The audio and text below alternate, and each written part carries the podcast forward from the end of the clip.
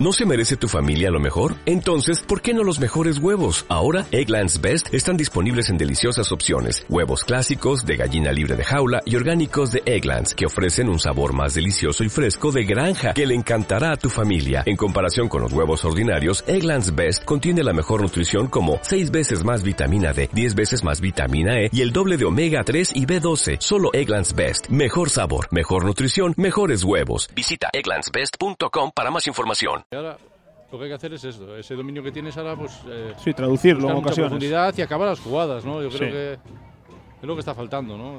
Ahora mismo estás teniendo ahí, llevas estos minutos de la segunda parte, pero no eres capaz de, de- de acabar. Pues a ver ahora, perdona, el centro de bicho. Va a llegar Gol. Manu Rodríguez Gol. al palo. Gol. Y Guillem Martín. ¡Gol! ¡Gol, gol, gol, gol, gol, gol, gol, gol, gol! Gol de Guillem Martí para el Compos en el 54 de partido. Buena llegada de bicho por banda izquierda. Lo tenía que haber marcado Manu Rodríguez sin portero de cabeza a medio Pues sí, metro de la línea de Solo, gol. solo. Balón al palo. Afortunadamente el rechace cayó para Guillem Martín. Martí, que hace el primero en San Lázaro de la tarde. Y esperemos, como decíamos, que va a ser un partido que se iba a decidir por la mínima. Me vale ya que pite el final el árbitro, Bellido. Pues no, me- no estaría mal, pero bueno.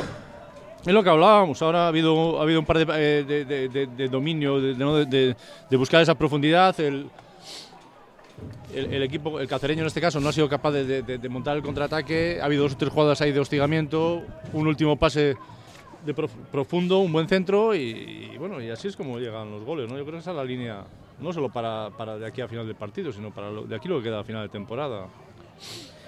Pues- además es curioso, dos minutos antes de, de marcar el gol estaba Freddy diciéndole tanto a Gotti como a Jordan por la banda derecha que se abrieran, que abrieran el campo para que para buscar más espacios y, y de ahí llegó el gol, ¿no? Un centro de por la banda izquierda que remata a placer.